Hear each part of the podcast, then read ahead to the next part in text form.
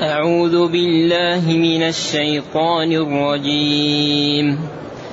يا أيها الذين آمنوا لا تسألوا عن أشياء إن تبد لكم تسؤكم وإن تسألوا عنها حين ينزل القرآن تبد لكم عفى الله عنها.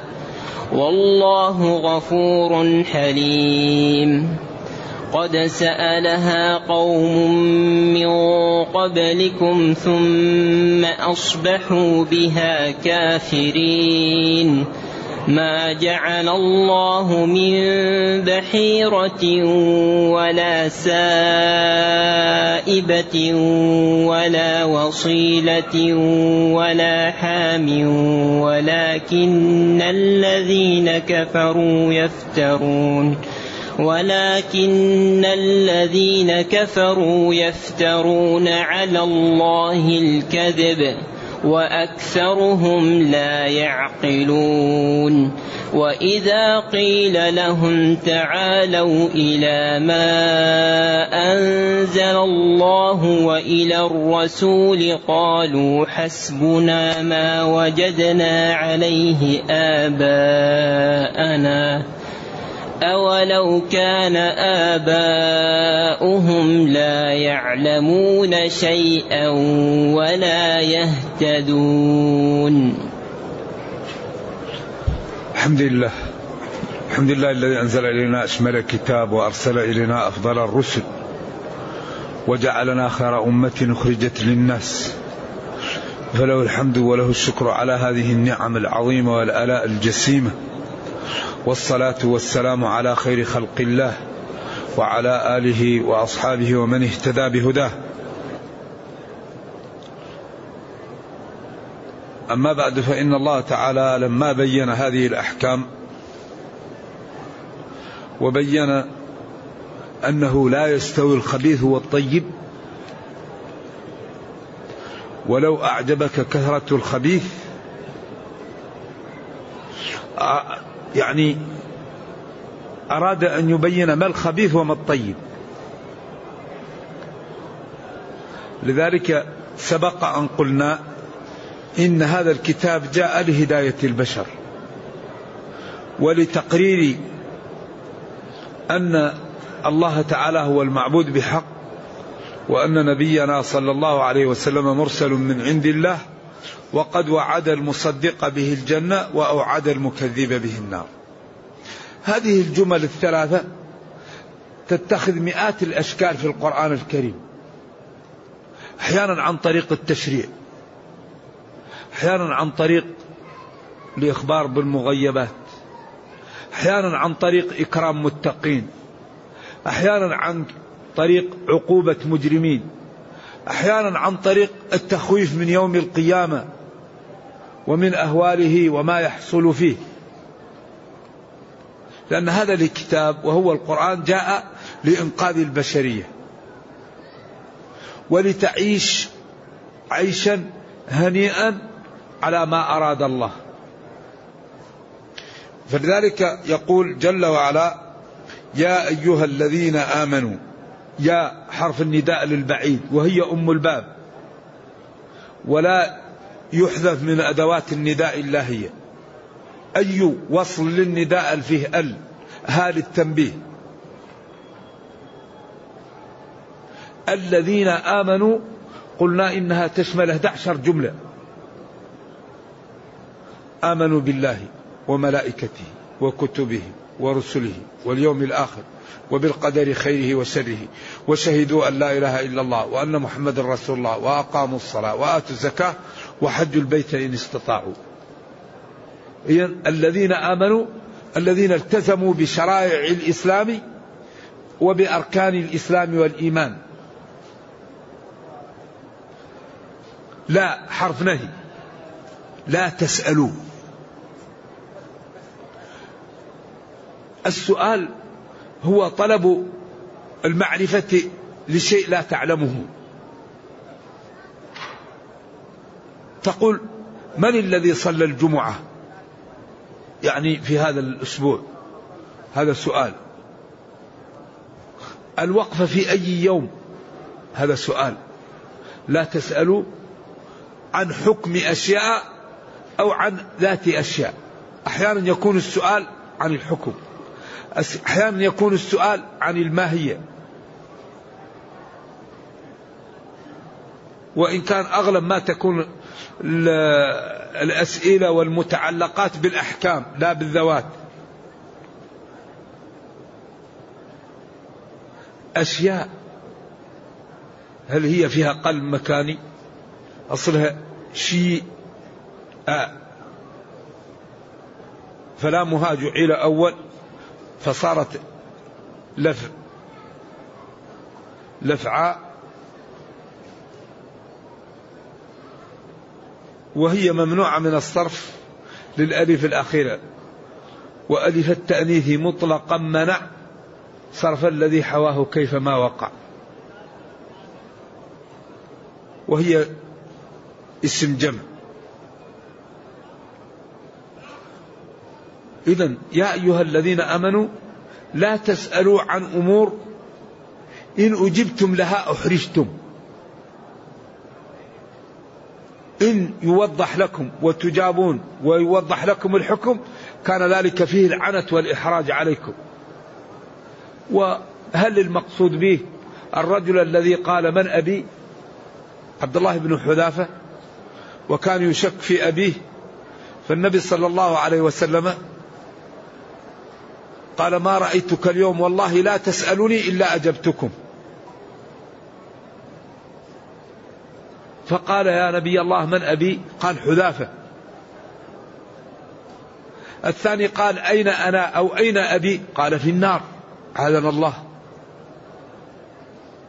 الثالث لما نزل ولله على الناس حج البيت أو حج البيت من استطاع إليه سبيلا قال أفي كل عام؟ فسكت. فسألوا فقال لا ولو قلت نعم لوجبت ولوجب ولم تفعلوا لوقع لكم أو لما استطعتم. ذروني ما تركتكم فإنما أهلك من كان قبلكم كثرة سؤالهم واختلافهم على أنبيائهم. ولذلك في الصحيحين أعظم المسلمين في المسلمين جرما من سأل عن شيء لم يحرم فحرم من أجل مسألته. أعظم المسلمين في المسلمين جرما. من سأل عن شيء لم يحرم فحرم من أجل مسألته. والحديث الصحيحين. وكان الصحابة يتهيبون سؤال النبي صلى الله عليه وسلم فإذا جاء الأعرابي والضيف يفرحون لأنه إذا سأل زاد العلم. ولذلك كان يخاف أن يفعل بعض الأمور لكي لا يكون فعله لها سببا في وجوبها فيقع العنت والحرج على الأمة في ذلك صلوات الله وسلامه عليه. فلما جاء ليشرب من زمزم قال لولا أن تنازعكم الناس لنزعت. لا أتيت نزعت من البير جبدت. وطلعت بالرشا وبالدلو الماء. ولما قام بهم في التراويح مرة أو مرتين جلس. فلما جاءوا وحصبوا الحصير قال أيها الناس إني رأيت مكانكم ولولا أني خشيت أن تفرض عليكم فصلوا في بيوتكم فصلوا في بيوتكم. فإن صلاة المرء في بيته أفضل إلا المكتوبة. إذا ينادي الله تعالى المؤمنين ثم ينهاهم عن السؤال الذي يكون إجابته تأتي لهم بالمشقة. لا ما أمرتكم به فيش فافعلوا. وما نهيتكم عنه فاجتنبوه. وسكت عن أشياء رحمة لكم من غير نسيان فلا تبحثوا عنها. وما تركه فهو عفو. لأن الله تعالى علمه محيط وقادر. فيترك أشياء رحمة بالناس فلا يروح الواحد يبحث حتى يجد يتشدد على نفسه. بنو إسرائيل قال لهم ربهم اذبحوا بقرة. بقرة نكرة أي بقرة تكفي؟ أول شيء قلوبهم مليئة بال... بالتعب بالأقدار. لأن القلب إذا كان ما هو طيب أول ما يفكر فيه الأشياء الغير طيبة. والقلب إذا كان طيب أول ما يفكر فيه الشيء الطيب. أول قال أتتخذونه هزؤا؟ والأنبياء عندهم خلق. عجيب ما رأيت أحسن خلق من الأنبياء. ما قال لهم يا كفر يا مجرمون يا متعنتون. قال أعوذ بالله أن أكون من الجاهلين. أعوذ بالله أعوذ بالله أن أكون من الجاهلين لأن الاستهزاء من أعمال الجهلة. بعدين سألوا يبين لنا ما هي. قال إنه يقول إنها بقرة صفراء فاقع لونها. بعدين ما اكتفوا. بين لنا ما هي إن البقرة تشابه علينا. قال إنه يقول إنها بقرة لا ذلول. لا مذللة في حال كونها تثير الأرض. ولا تسقي الحرث مسلمة من كل عيب لا لون فيها غير لونها. فبحثوا عنها وما كادوا يستطيعون أن يجدوها. لأنهم شددوا فشدد الله عليهم. لذلك يقول جل وعلا لا تسألوا عن أمور وأشياء إن تبد لكم تسؤكم. كقوله هو في النار أو غير ذلك من الأمور. وإن تسألوا عنها للعلماء فيها أقوال. قول وإن تسألوا عن أمر آخر مما لكم فيه مصلحة وينزل القرآن يبين لكم حكمه. كما قال ولقد خلقناكم ثم صورناكم. ولقد خلقناكم من آدم من طين ثم بعد ذلك صورناكم في الأرحام أي ذرية. لأنه قال ولقد خلقنا الإنسان من سلالة من طين أعني آدم ثم جعلناه نطفة في قرار مكين أعني ذريته. وهذا شبيه بالاستخدام. والاستخدام أن يصرح يكون الأمر مشتركا ويصرح أولا بالاسم ثم يعود الضمير على إيش؟ على الثاني.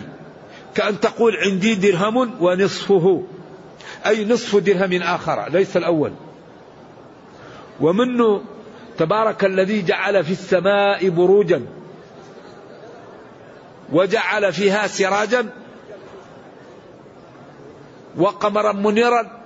أي السماء المطلق ما علاك لأن السماء تطلق على المبنية والسماء تطلق على كل ما علا وقد يسمى كل مرتفع سماء وإنما الفضل حيث الشمس والقمر. فليمدد بسبب إلى السماء أي إلى السقف.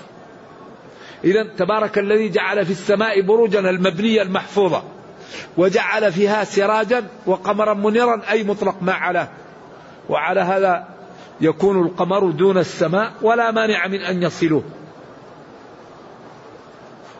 إذا يكون هنا لا تسألوا عن أشياء إن تبد لكم تسؤكم. يعني بدايتها أو توضيحها. وإن تسألوا عن أمور أخرى حين ينزل القرآن تبد لكم. عفى الله عنها. هذه الأمور الذين الذي تسألون عنها عفى الله عنها. وكان بعضهم يقول أين ناقتي؟ أين أبي؟ أو يسألون عن البحيرة أو السائبة وهي أمور في الجاهلية وأنتم لا علاقة لكم بها. إذا لا ينبغي للمسلمين أن يشتغلوا فيما لا ينفعهم في استنباط الأحكام واستخراج المسائل وفي التعويد على فهم الحكم. أما يعني الإتيان بالمسائل أو ضرب الأمثلة لأمور لم تقع فهذا كان السلف ينهى عنه.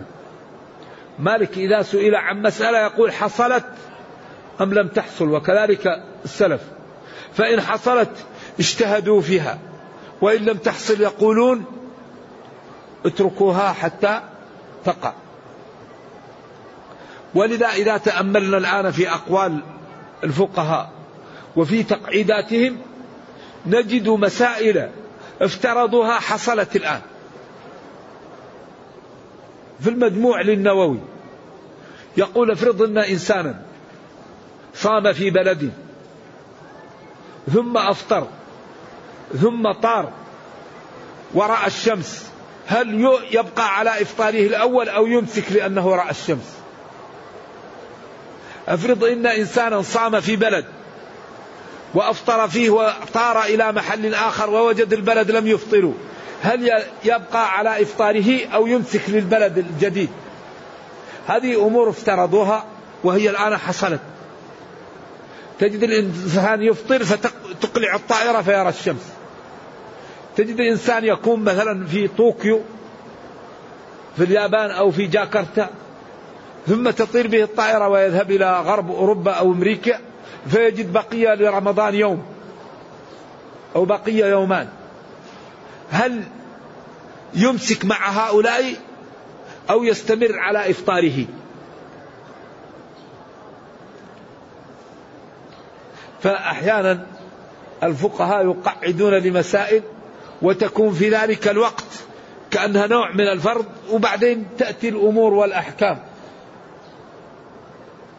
إذا نهى الشرع عن أن يسأل المسلم عن أمور لا تعنيه في عبادته ولا في دنياه. ولذلك من إسلام المرء تركه ما لا يعنيه الفرضيات والأمور هذه لا يشتغل بها الإنسان يشتغل بالكتاب والسنة. فإن حصل شيء ما لا لازم عليه يجتهد. فإن كان عالما يختار وإن كان جاهلا يجتهد في سؤال من هو أورع وأعلم. يقول من أعلم الناس؟ من أحسن الناس؟ يقال له فلان يذهب ويسأله. لأن الله يقول فاسألوا أهل الذكر إن كنتم لا تعلمون. إذا الناس نوعان. نوع أعطاه الله البصيرة والفهم وجعله عالما. والعلم ليس بحفظ المسائل. العلم ملكه كالطول والقصر وكالقوة والضعف. العلم صلاحية لكن ينمى بالعلم. العلم ملكة. كالعدالة العدالة ملكة الصدق ملكة. لكن تنمى بما لا؟ تنمى بالقراءة وبالمعرفة لكن العلم ملكة والعلم بالصلاح. فيما قد ذهب فالكل من أهل المناحي الأربعة يقول لا أدري فكن متبعه كل واحد من الأئمة يقول لا أدري. لا أدري لا أدري. والشاعر يقول إذا ما قتلت الشيء علما فقل به ولا تقل الشيء الذي أنت جاهله. فمن كان يهوى أن يرى متصدرا ويكره لا أدري أصيبت مقاتله. أخطر شيء أن الإنسان يتصدر ويكون كل ما سئل يجيب. إذا إذا عرفت أجب إذا لم تعرف قل الله أعلم. لأن ربك يقول لك ولا تقف ما ليس لك به علم. مالك إمام دار الهجرة رضي الله عنا وعنه وعن جميع أئمة المسلمين وعن علمائهم وموتاهم. جاءته أربعين مسألة من العراق. فجاء في ست منها أجاب في ست. وأربعة وثلاثين قال لا أدري. فقال نحن جئناك من العراق قال أخبروا أهل العراق أن مالك لا يعلم. أخبروا أهل العراق أن مالكا لا يعلم.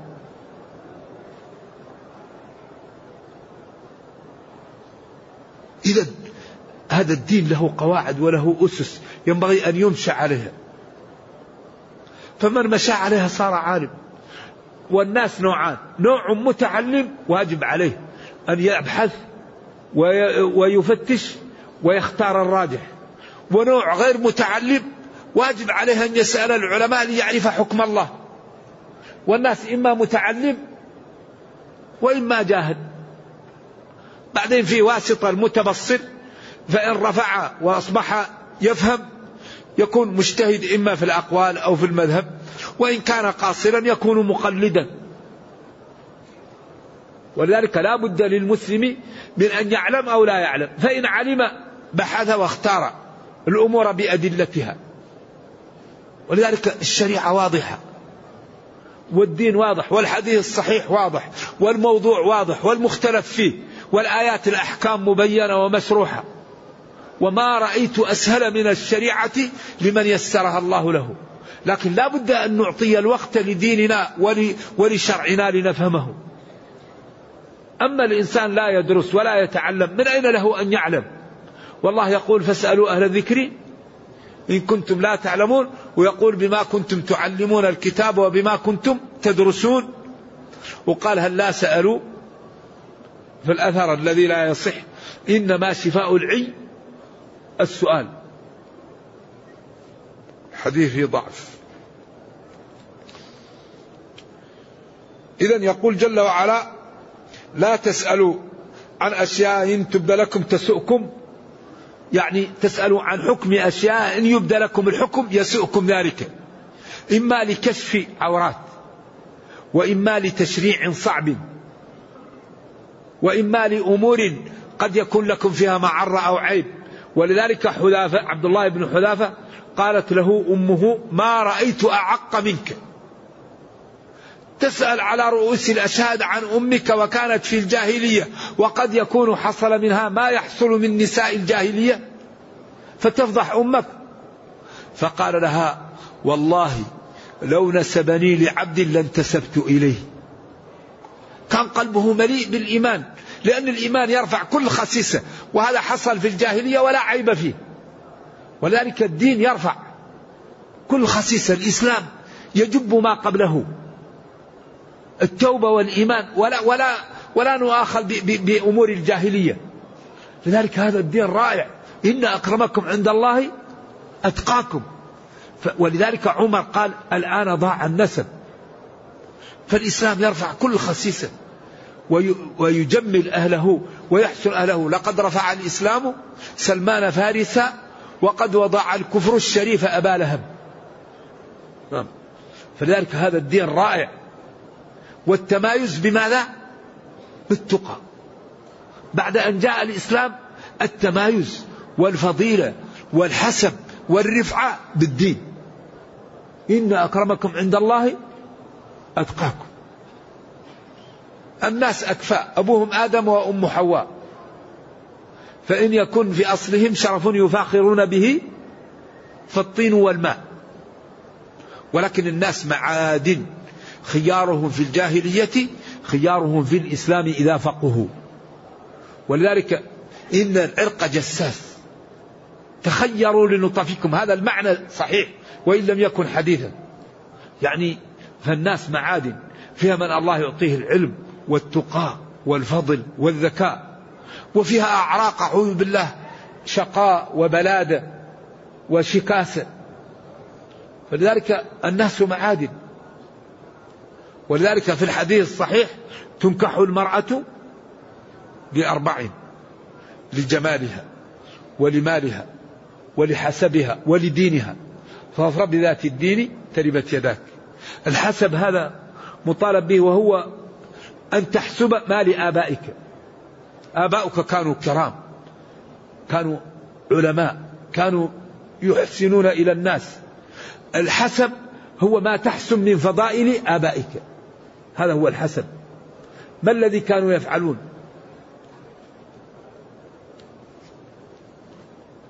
إذا هذا الإسلام عجيب. شوف حتى ينهى عن السؤال الذي يسبب الحرج. وإن تسألوا عن أشياء أخرى أو عن هذه الأشياء حين ينزل القرآن تبد لكم عفى الله عنها. والله غفور لذنوبكم حليم بكم ولأجل ذلك نهاكم عما يسبب لكم الضيق والحرج والعنت. قد سأل هذه الأشياء قوم من قبلكم فلما جاءتهم كفروا بها فأوبقوا بسبب ذلك. سواء قلنا قوم صالح أو قلنا قوم عيسى أو قلنا قريش أو قلنا بنو إسرائيل. فقوم صالح قالوا له والله لا نؤمن بك حتى تخرج لنا من هذه الصخرة إيش؟ ناقة. قالوا إن خرجت تؤمنون قال نعم. قال اللهم أخرج الناقة. فكفروا وعقروها. فأوقعهم الله.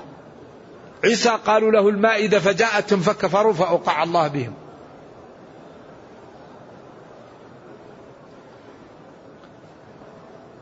بنو إسرائيل طلبوا أشياء فلما جاءتهم كفروا بها وقتلوا يحيى وزكريا فأوقع الله بهم.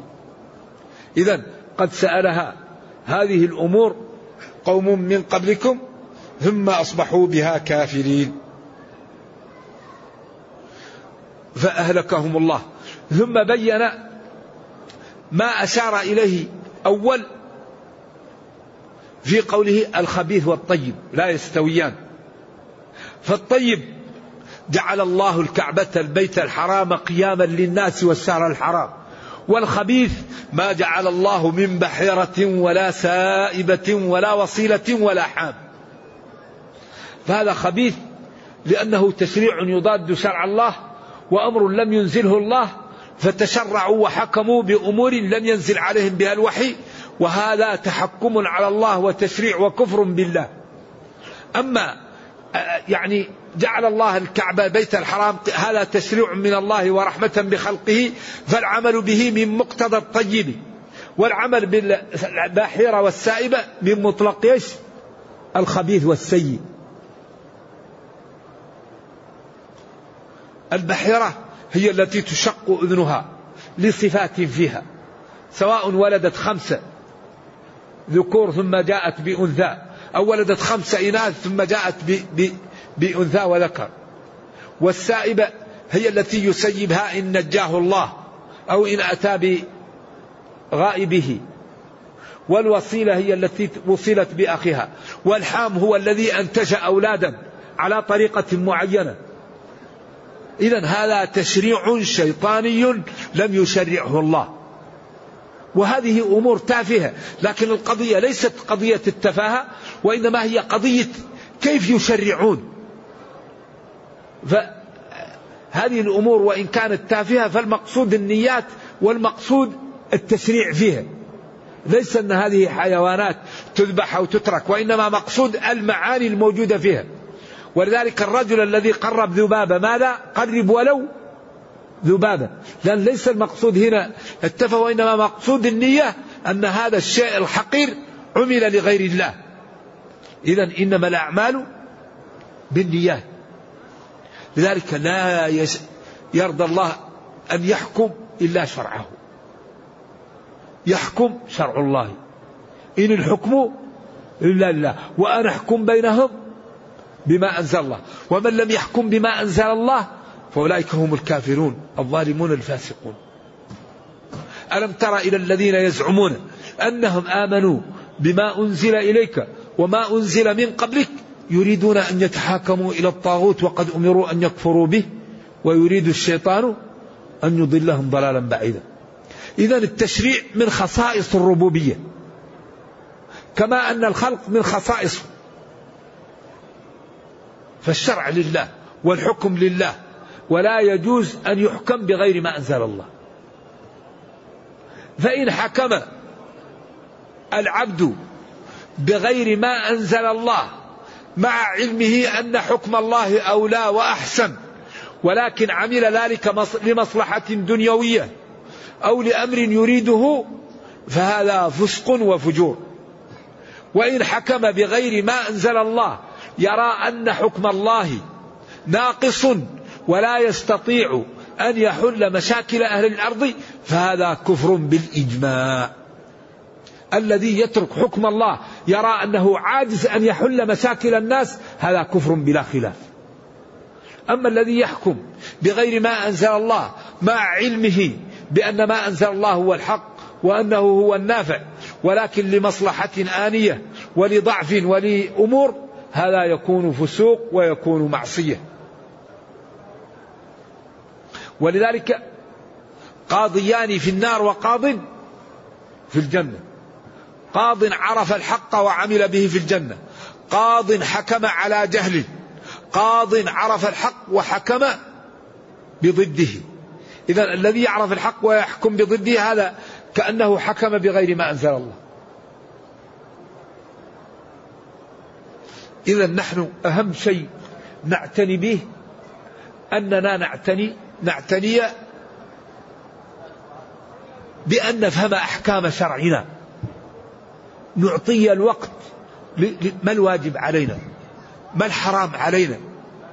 لأن المسلم الذي يعيش بين ظهراني المسلمين لا يسامح في جهل فروض العين قال العلماء الذي يعيش بين ظهراني المسلمين لا يسامح في جهل فروض العين لا بد أن يتعلم فروض عينه. ولا بد أن نعطي الوقت لنعرف ما الواجب ما الحرام. فنمتثل الواجب ونجتنب الحرام. فالله يغمرنا بالخير ويدمر أعداءنا ويجعلنا في المكان اللائق بنا كما قال ربنا كنتم خير أمة أخرجت للناس. فلن يرفع عن الأمة ما حل بها من الضعف إلا إذا قامت بالأسباب. الدنيا يحكمها قانون إيش؟ قانون المعاوضة. أوفوا بعهدي أوفي بعهدكم. إن الله اشترى وقل اعملوا وتعاونوا ولا تنازعوا اثبتوا كونوا مع الصادقين. إذا أكبر مشكلة تعيشها الأمة أوامر معطلة ونواهي منتهكة ولن يرتفع عن أمتنا. ما حل بها إلا إذا امتثلت تلك الأوامر وكفت عن تلك النواهي. إن الله لا يغير ما بقوم حتى يغيروا ما بأنفسهم. ونحن لا ننتصر بالقوة. ننتصر بإعداد ما نستطيع ونستقيم. الأمة المسلمة تنتصر بركنين. الركن الأول إعداد ما نستطيع ولو عصى بس الذي نستطيع أن نعد نعد ولو عصى الركن الثاني أن نستقيم على ديننا. فإذا قمنا بالركنين الله ينصرنا. لأن الله لا يخلف الميعاد. ويقول إن تنصروا الله ينصركم ويقول ولا ينصرن الله من ينصره وإن الله لا يخلف الميعاد وأمره إذا أراد شيئا أن يقول له كن فيكون. ولذا المسلمون يوم الخندق قاموا بالركنين. كانت قريش وغطفان وهوازن والأحابيش وهم قبائل مختلطة جاءوا للمدينة وكان أهل الأرض يقاطعون أهل المدينة جميع أنواع المقاطعات. وجاءوا من فوق المدينة ومن أسفلها حتى وصف الله الموقف وقال جاءوكم من فوقكم ومن أسفل منكم وإزاغت الأبصار وبلغت القلوب الحناجر لشدة الخوف. الركن المعنوي قالوا هذا ما وعدنا الله ورسوله وصدق الله ورسوله وما زادهم إلا إيمانا وتسليما. هذا الركن المعنوي. الإيمان والتسليم لله. الركن المادي أقوى قوة كانوا يمكن أن يعملونها في ذلك أن يعملوها في ذلك الوقت. حفر الخندق. إذا قاموا بالركن المادي وهو حفر الخندق. وقاموا بالركن المعنوي وهو هذا ما وعدنا الله ورسوله وصدق الله ورسوله وما زادهم إلا إيمانا وتسليما. الله أتى بشيء لم يكن في الحسبان. أنزل الملائكة وأنزل الرياح وهزم الأحزاب وامتن على المسلمين وقال جل وعلا يا أيها الذين آمنوا اذكروا نعمة الله عليكم إذ جاءتكم جنود أي جنود كثيرة وعظيمة فأرسلنا عليهم ريحا ريحا تدمر وجنودا لم تروها. فأصبحوا كل ما نصبوا قدر نسفته الرياح خيمة نسفت الرياح عقال نسفت الرياح وجاءت الملائكة وبثت في قلوبهم الرعب وخرجوا مهزومين وامتن الله على المسلمين. إذا كل ما نحتاج إليه موجود في كتابنا. فحري بنا أن نتأمله وأن نقرأه وأن نتمثله حتى نكون في المكان اللائق بنا. إذا يقول جل وعلا ما جعل الله من بحيرة ولا سائبة ولا وصيلة ولا حام. هذه الأمور التي يشرعونها لم يجعلها الله. ولكن الذين كفروا يفترون على الله الكذب وأكثرهم لا يعقلون. يكذبون يفترون يكذبون. الافتراء هو الكذب وهو الاختلاق يختلقون ويزورون. ولكن أكثرهم هؤلاء لا يعقلون خطورة ما يقومون به لأنه سبب في ذلهم في الدنيا وسبب في عقوبتهم يوم القيامة. لذلك كل مشكلة سببها المعاصي. ظهر الفساد في البر والبحر بما كسبت أيدي الناس. ولما استشكل الصحابة هزيمتهم يوم أحد وقالوا يا نبي الله هؤلاء يعبدون الأصنام ونحن نعبد الله كيف يحصل هذا؟ قال قل هو من عند أنفسكم. ولما أصابتكم مصيبة قد أصبتم مثلها قلتم أن هذا؟ قل هو من عند أنفسكم. إذا كل مشكلة سببها المعاصي. وكل يعني خير يأتي عن طريق الطاعة. فالعبد إذا استقام على دين الله وامتثل الأوامر واجتنب النواهي الله قادر يحميه. الله ينصره الله يوفقه الله يملأ قلوب الأعداء من الخوف نصرت بالرعب. وأكبر ما يقوض الأمة المعاصي. ولذلك ثلاثة أسئلة دائما تخطر ب... لما لا يغلب الكفار المسلمون؟ ولما لا يكون المسلمين ضعفة ولما لا يختلف المسلمون؟ هذه الإجابة كلها في القرآن. المسلمون دائما ضعاف لكن ينتصرون بالاستقامة وبما قلنا. ولقد نصركم الله ببدر وأنتم أذلة. ويوم حنين إذا أعجبتكم كثرتكم فلم تغن عنكم شيئا. إذا نحن ننتصر بأن نقوم بالأسباب. وننتصر بأن نقوم بالأمور التي شرعها الله. لأن الله تعالى لما خلق الكون خلقه بالأسباب. نبينا صلى الله عليه وسلم لما أراد أن يهاجر اتفق مع عبد الله بن الريقط الديلي وهو كافر. وأعطاه ناضحين وأعلفهما ورق السمر وجلسوا ثلاثة أيام في الغار. والملائكة تحيط بالغار وكان جبريل يمكن يضعه على جناح ويحطه في المدينة. ثم مشوا في طريق بين الساحل وبين الطريق خريت ولما جاءهم سراقة وجاءت رقة الصفر الأرض مستوية بلعت بلعت الفرس. حتى قال لعلكم دعوتم علي ادعوا لي وأنا أكفيكم. قال ووفى لنا. فأصبح كل ما رأى ناس يقول لهم لا تتعبوا ما هناك ما هناك أحد ارجعوا أنا رأيت ما في شيء. قال وفى لنا. ومريم كان يمكن يطلع لها الرطب من الأرض. قال وهزي إليك بجذع النخلة. تساقط عليك أو تساقط عليك. فلما خلق الكون خلقه بقانون الأسباب. إذا ينبغي أن نهتم بالقوة ونهتم بالصدق ونهتم بالعقول ونهتم بالاستشارة ونهتم بالإدارة ونهتم بالإبداع حتى نكون في المكان اللائق بنا. المغالطة. تنتج مغالطة. بحر من المغالطة ينتج مغالطة. إذا لابد أن نهتم بالواقع. الأمة المسلمة تهتم بالعقول تهتم بالاستشارة تهتم بالعلم تهتم بتطبيق النظام. تكون في المكان. لماذا الكفار يهتمون بالنظام؟ ويشترون العقول ويشترون الإبداع. وكل العقول في العالم الإسلامي تهاجر للغرب. الله قال إنهم يعلمون ظاهرا من الحياة الدنيا.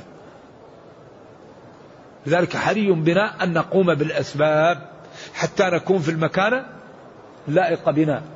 حري بهذه الأمة أن تتمثل دينها. لأننا إذا تمثلنا الدين الله يرحمنا في الأخرى ويعزنا في الدنيا. والله لا يخلف الميعاد إن تنصروا الله ينصركم إن تتقوا الله يجعل لكم فرقانا ولا ينصرن الله من ينصره. إن الله لا يضيع أجر من أحسن عملا. وإذا قيل لهؤلاء تعالوا هلموا إلى ما أنزل الله وإلى الرسول نحكم به. قالوا حسبنا يكفينا. ما وجدنا عليه آباءنا. من العادات ومن التقاليد. ومن الأعراف ومن الأمور التي عندنا كالشريعة.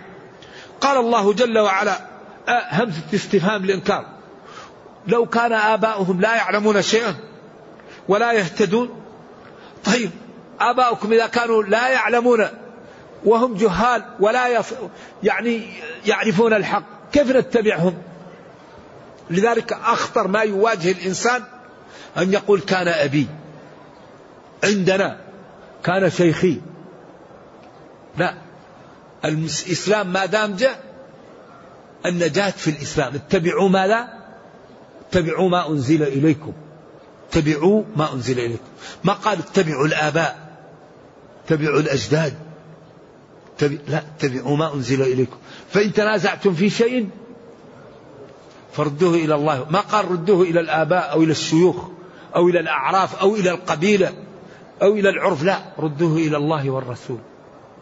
تركت فيكم ما إن تمسكتم به لن تضلوا بعدي. إيش؟ كتاب الله ما قال العرف ما قال الآباء الأجداد كتاب الله والسنة ولذلك قال ونزلنا عليك الكتاب تبيانا لكل شيء وقال لنبيه مخاطبا له اليوم أكملت لكم دينكم وقال لنبيه لتبين للناس ما نزل إليهم إذا كل ما نحتاج إليه في كتابنا فالمتعلم يبحث ويستخرج من النصوص والجاهل يسأل عن أعلم من ببلده وأتقاه فليذهب وليأخذ منه الحكم.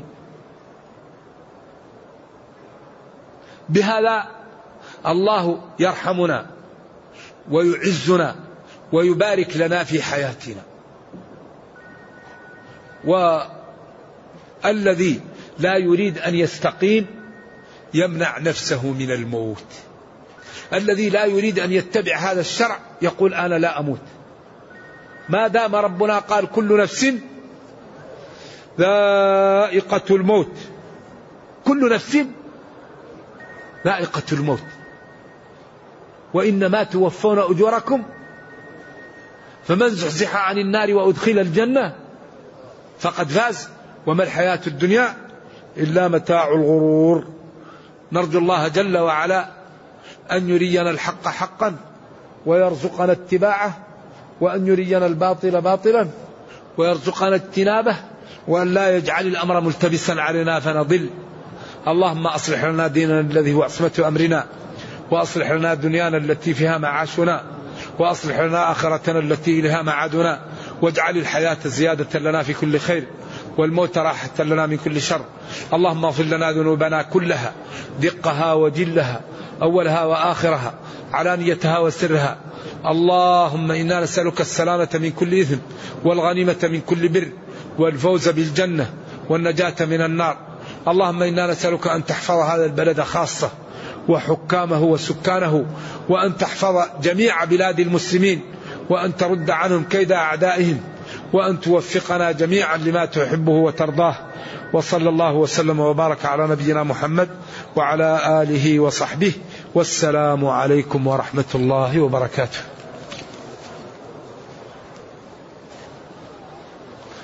يقول هذا جاء من مصر وجاء هنا هل يتم أو يقصر؟ على كل حال الإنسان إذا كان مسافرا ولم ينوي الإقامة أكثر من أربعة أيام فهو مسافر. لكن الأولى أنه يصلي مع الجماعة ولو هو مسافر ينوي السفر ويصلي مع الجماعة ويتم. أما إذا نوى الإقامة أكثر من عشرين فرضا فالجمهور على أنه يتم على خلاف بين العلماء في ذلك. واستدلوا بأن النبي صلى الله عليه وسلم لم يجلس أكثر من أربعة أيام في مكة لأنه خرج منها مهاجرا. قالوا لو كان إذا جلس أكثر من أربعة أيام لا يكون مقيما لزاد الجلوس. والله أعلم. يقول أعطي له مال ولكن قرأ في سيرة الإمام أحمد أنه رفض مثل ذلك فتحير.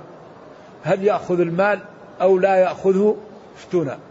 على كل حال إن كان المال أعطي لك من غير تشرف نفس أقبله كما قال النبي صلى الله عليه وسلم لعمر. ما أتاك من هذا المال من غير تشرف فاقبله. وإن كنت ترى أنك لا تحتاج إليه فالعفة والاغتناء أفضل.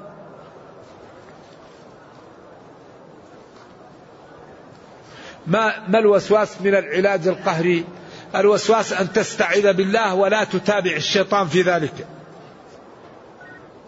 يقول هذا الشخص ظلمه ويريد أن يأخذ حقه منه. الذي ظلم يجوز أن يأخذ حقه وإذا عفا أفضل. ولمن انتصر بعد ظلمه فأولئك ما عليهم من سبيل. إنما السبيل على الذين يظلمون الناس. إذا المسلم يجوز له أن ينتقم بقدر مظلمته. أما لا يزيد وإن عفا أفضل. وأن تعفو أقرب للتقوى. يقول إنه موظف في بلد ويذهب إلى أهله كل أسبوع.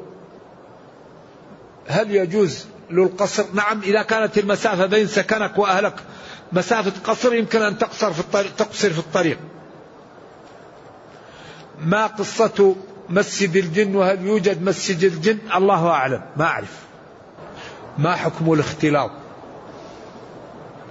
في جامعات وفي الدول التي لا تملك جامعات غير مختلطة؟ وهل النساء والرجال يختلط منهم المحارم. المحرمات 18 سبعة بالنسب وسبعة بالرضاع وأربعة بالمصاهرة. كم؟ سبعة وسبعة وثمانية.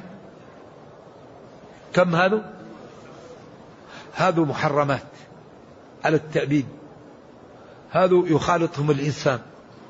ويجلس معهم ويسلم عليهم. أما الأجانب لا. إياكم والدخول على النساء. إياكم والدخول على النساء.